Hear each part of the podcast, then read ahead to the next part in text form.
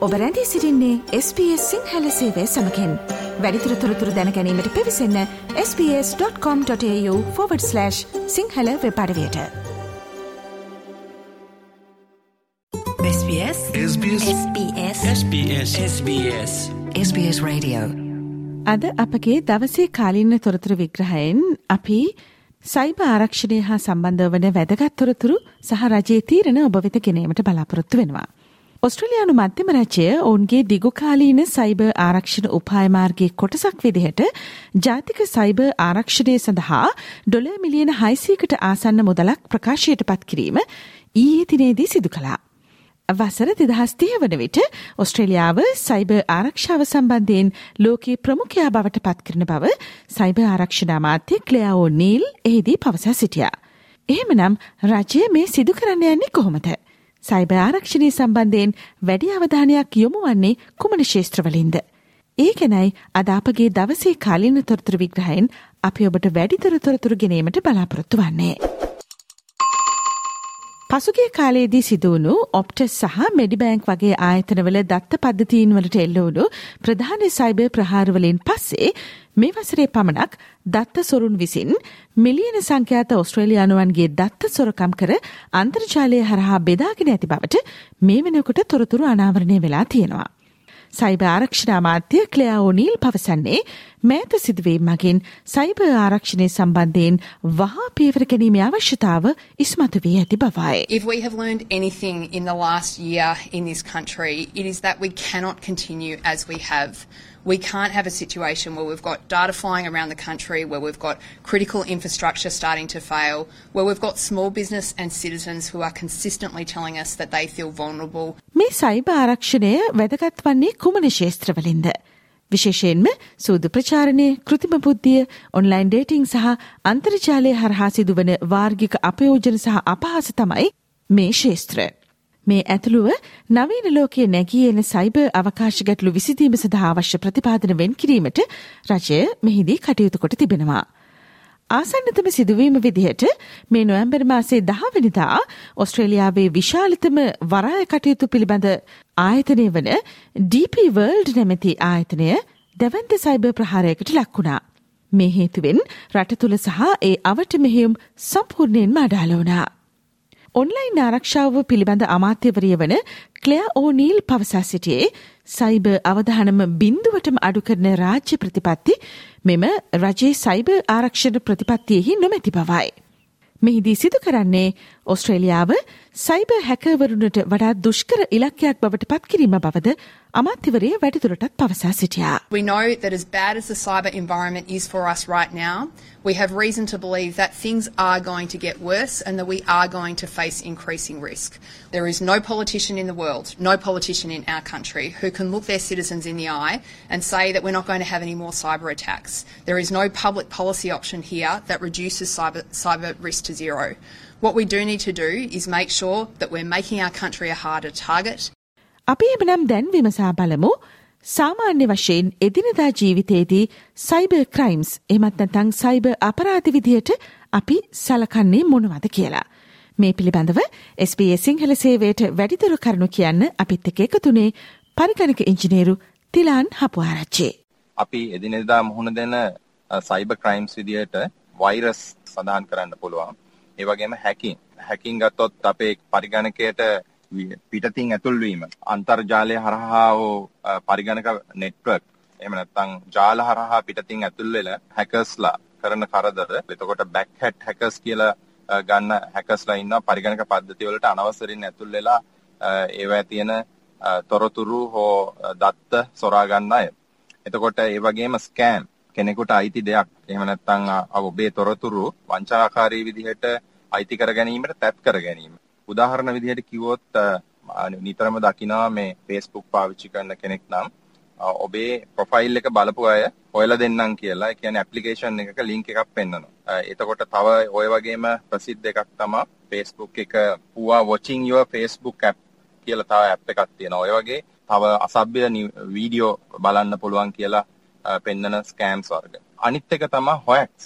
හොයක්ස් එකක් විදිහට ගත්තොත් අපි නිතර දකිනවා අපි මේ WhatsApp එහෙම නැත්නම් ඊමේල් පාවිච්චි කරන අය විදිහට උපායශීලීව තව කෙනෙක්ට යවන්න පොළඹවන චේන් ලෙටර්ස් එහෙම නැත්නම් මැසේජස් තම තවත් ආකාරයකට කියනවා නම් ඔය WhatsApp වල ජෝක්ස් වගේ දේවල් අපිට එවනවා. අපිව පොළඹවනවා මේ මැසේජ් එක තව අයට යවන්න. එතකොට පරිගණක ෆ්‍රෝඩ් පරිගණකයේ භාවිතයෙන් දත්ත වෙනස් කිරීම එහෙම නැත්නම් දත්ත ලබා ගැනීම කරන්න පුළුවන් කෙනෙක්. නීත්‍යානුකූල නොවන විදි. උදාහරණයක් විදිහට අපේ පාස්වර්ඩ් එක. එහෙම නැත්නම් අපේ ඩීටේල් ගන්න අපිව පොළඹවලා ඒ ටික ලබාගෙන විවිධ කටයුතු වලට ඒවා ලබා ගැනීම කරන්න පුළුවන්. ඒකෙම කොටසක් විදිහට දකින්න පුළුවන් ඩෙන්ටිටි එක. අපේ අනන්‍යතාවය ලබා ගැනීම. අනන්‍යතාවය ලබාගෙන වංචා කිරීමත් මේ සයිබර් ප්‍රහාරකින් එහෙම නැත්නම් සයිබර් අවදානම් ගණයට අයිති වෙන එක. කම්පියුටර් ඇටැක්ස් ගැන කතා කරොත් විවිධ ක්‍රම මාර්ගයෙන් කම්පියුටර් සිස්ටම්ස් ඩිස්ට්‍රොයි කරන එහෙම නැත්නම් අඩපණ කරලා නවතා දැමීම. සමහරවිට ඒක අරමුණක් තියෙන්න පුළුවන් නොවෙන්න පුළුවන්. සමහර අය විනෝදය තකා කරන්න පුළුවන්. සමහරලාට සේවයක් අඩපණ කිරීම අපේක්ෂාවෙන් කරනවා. ඒ වගේ ඒ වගේ කම්පියුටර් ඇටැක්ස් තියෙන්න පුළුවන්. නීත්‍යානුකූල නොවන ඔන්ලයින් කන්ටෙන්ට්ස් මේකත් එදිනෙදා ජීවිතය අන්තර්ජාලය භාවිතා කරන අය විදිහට දැනගන්න ඕන කාරණාවක්. නීත්‍යානුකූල නොවන සහ අහිතකර එහෙම නැත්නම් අප්‍රසන්න තොරතුරු තමන්ගේ අන්තර්ජාලයේ එහෙම නැත්නම් තමන්ගේ වෙබ්සයිට් එකේ තමන්ගේ Facebook එකේ තියෙන්න පුළුවන්. මේක නීත්‍යානුකූල නොවන දෙයක්. විශේෂයෙන් ළමයින් පිළිබඳ අසභ්‍ය පින්තූර ප්‍රචණ්ඩත්වය එහෙම නැත්නම් බලහත්කාරකම් ලිංගිකත්වය ඒ වගේ දේවල් උලුප්පන තොරතුරු අපරාධවලට පොළඹවන අපරාධ පිළිබඳ බොරු තොරතුරු එහෙම නැත්නම් ශාස්ත්‍රවාදී ක්‍රියාවලට පොළඹවන තොරතුරු මේ වගේ තොරතුරු තියෙන්න පුළුවන් ඔබේ නොදන්නවා වෙන්න පුළුවන් සමහරවිට වෙන හැකර් කෙනෙක් ඇවිල්ලා ඔබේ වෙබ්සයිට් එකේ එහෙම නැත්නම් අපේ Facebook එකේ ගබඩා කරලා තියන්න පුළුවන් පෝස්ට් එකක් විදියට. අපි එමනම් නැවතත් සලකලා බලමු රජයේ විසින් ඊයේ එළි දක්වන ලද සයිබර් ආරක්ෂණ උපාය මාර්ගයේ තවත් තොරතුරු පිළිබඳව. මේ උපාය මාර්ගයට අනුව කුඩා හා මධ්‍ය ප්‍රමාණයේ ව්‍යාපාරවලට බලපාන සයිබර් ප්‍රහාරවලට එරෙහිව කටයුතු කිරීම සඳහා මේ වසරේ සිට වසර දෙදහස් තිහ අතර කාලය තුළ වියදම් කිරීම සඳහා ඩොල මිලියන හයිසියක පමණ ප්‍රතිපාදන වෙන්කොට තියෙනවා. ඒවගේම යටිතල පහසුකම් ආරක්ෂා කිරීමට සහ රජයේ සයිබ ආරක්ෂාව වැඩිදියුණු කිරීමට ඩොල මිලියන එකසි හතලිස් හයක් වෙන්කොට තිබෙනවා. මිට අමතරව කලාපීය සහ ගෝලීය සයිබ ආරක්ෂණ කටයුතු සඳහා රජය ඩොල බිලියන එකසිය දෙහක් මේ නව සයිබ ආරක්ෂණ උපායමාර්ගික ව්‍යාපෘති යටතේ වෙන්කොට තිබෙනවා. ඒවගේම මීට පෙර සිදුවුණු සයිබ හැක්කිරීම් වලින් පාඩම් ඉගෙනගෙන පෙරට වඩා ශක්තිමත් උපායමාර්ග ගැනීම වෙනුවෙන් විශිෂ්‍ය මණ්ඩලයක්ද ස්ථාපිත කිරීමට රජය බලාපොරොත්තු වෙනවා. මෙය විශිෂ්ට උපායමාර්ගයක් බවත් එමගින් ඒක පුද්ගල සයිබ ආරක්ෂාවේ සිට කුඩා ව්‍යාපාර විශාල කර්මාන්ත සහ රජය දක්වා සෑම ශේෂත්‍රයක්ම ආවරණය කරනු ඇති බව කැන්බරාහි ඔස්ට්‍රේලයානු ජාතික විශ්වවිද්‍යාලයේ තාක්ෂණික ප්‍රතිපත්ති සැකසුම් මධ්‍යස්ථානය අධ්‍යක්ෂ මහාචාර්ය ජොහානා වීව පවසා සිටිනවා. Look, I think it's a great strategy. It's very comprehensive. Um, so it covers everything from individuals to small business uh, to industry and also to government that they need to get their own house in order. So um, very, very ambitious, very comprehensive and much needed. රජයේ මෙම නව cyber ආරක්ෂණ නව සැලසුම මගින් තවත් අලුත් ක්‍රියාදාමයක් හඳුන්වා දී තිබෙනවා. ඒ අනුව හැකවරුන් ව්‍යාපාරවල දත්ත පද්ධතියට අනවසරෙන් ඇතුළු වුණොත් ඒ පිළිබඳව අදාළ ස්ථානවලට වාර්තා කිරීමට ව්‍යාපාරවලට අනිවාර්ය කොට තිබෙනවා. නමුත් විපක්ෂය මේ නව උපායමාර්ග ගැන පැහැදීමකින් තොරව සිටින බවයි පෙනෙන්නේ. සයිබ ආරක්ෂණය පිළිබඳ විපක්ෂයේ ප්‍රකාශක ජේම්ස් පැටර්සන් පවසන්නේ රජයේ මෙම සයිබ ආරක්ෂණ ප්‍රතිපත්තියට තව බොහෝ දේ ඇතුළත් විය යුතු තිබූ බවයි. Uh, there are many more things that could have been in here that should have been in here. Uh, after all that talk, after all that rhetoric, is Australia going to be any more cyber secure from this strategy? It's extremely doubtful that it will, and that's really disappointing. රජයේ මෙම නව ආරක්ෂිත උපායමාර්ගය ඉලක්කය වන්නේ වසර දෙදහස් තිය වෙනකොට ඔස්ට්‍රේලියාව සයිබ ආරක්ෂණයෙන් ලෝකයේ ප්‍රමුඛයා බවට පත්කිරීමයි. මෑතකාලීනව ඔස්ට්‍රේලියාවට බලපෑ ප්‍රධාන පෙළේ සයිබ ප්‍රහාරමාලාවෙන් පසුව සයිබ අවධානම් පිළිබඳ මහජන දැනුවත් භාවය ගොඩනැගීමට රජය බලාපොරොත්තු වන බව මහාචාරය ජොහනා වීව වැඩිදුරටත් පවසා සිටිනවා. We have um, the trifecta of the public wanting action, the government focused on it, and industry concerned about it.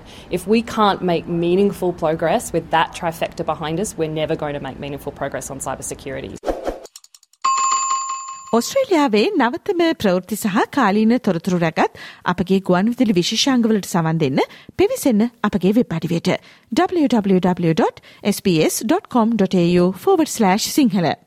වෙබ්පඩිවේ ඉහළ තීරුව ඇති මාතෘකා කියන කොටස කලික් කොට කාලීන ලෙස නම් කොට ඇති වෙබ්පිටුවට පිවිසීමෙන් කාලීනව වැදගත් වන තොරතුරු පිළිබඳව ඔබට වැඩිතුරටත් දැනුවත් විය හැකේ.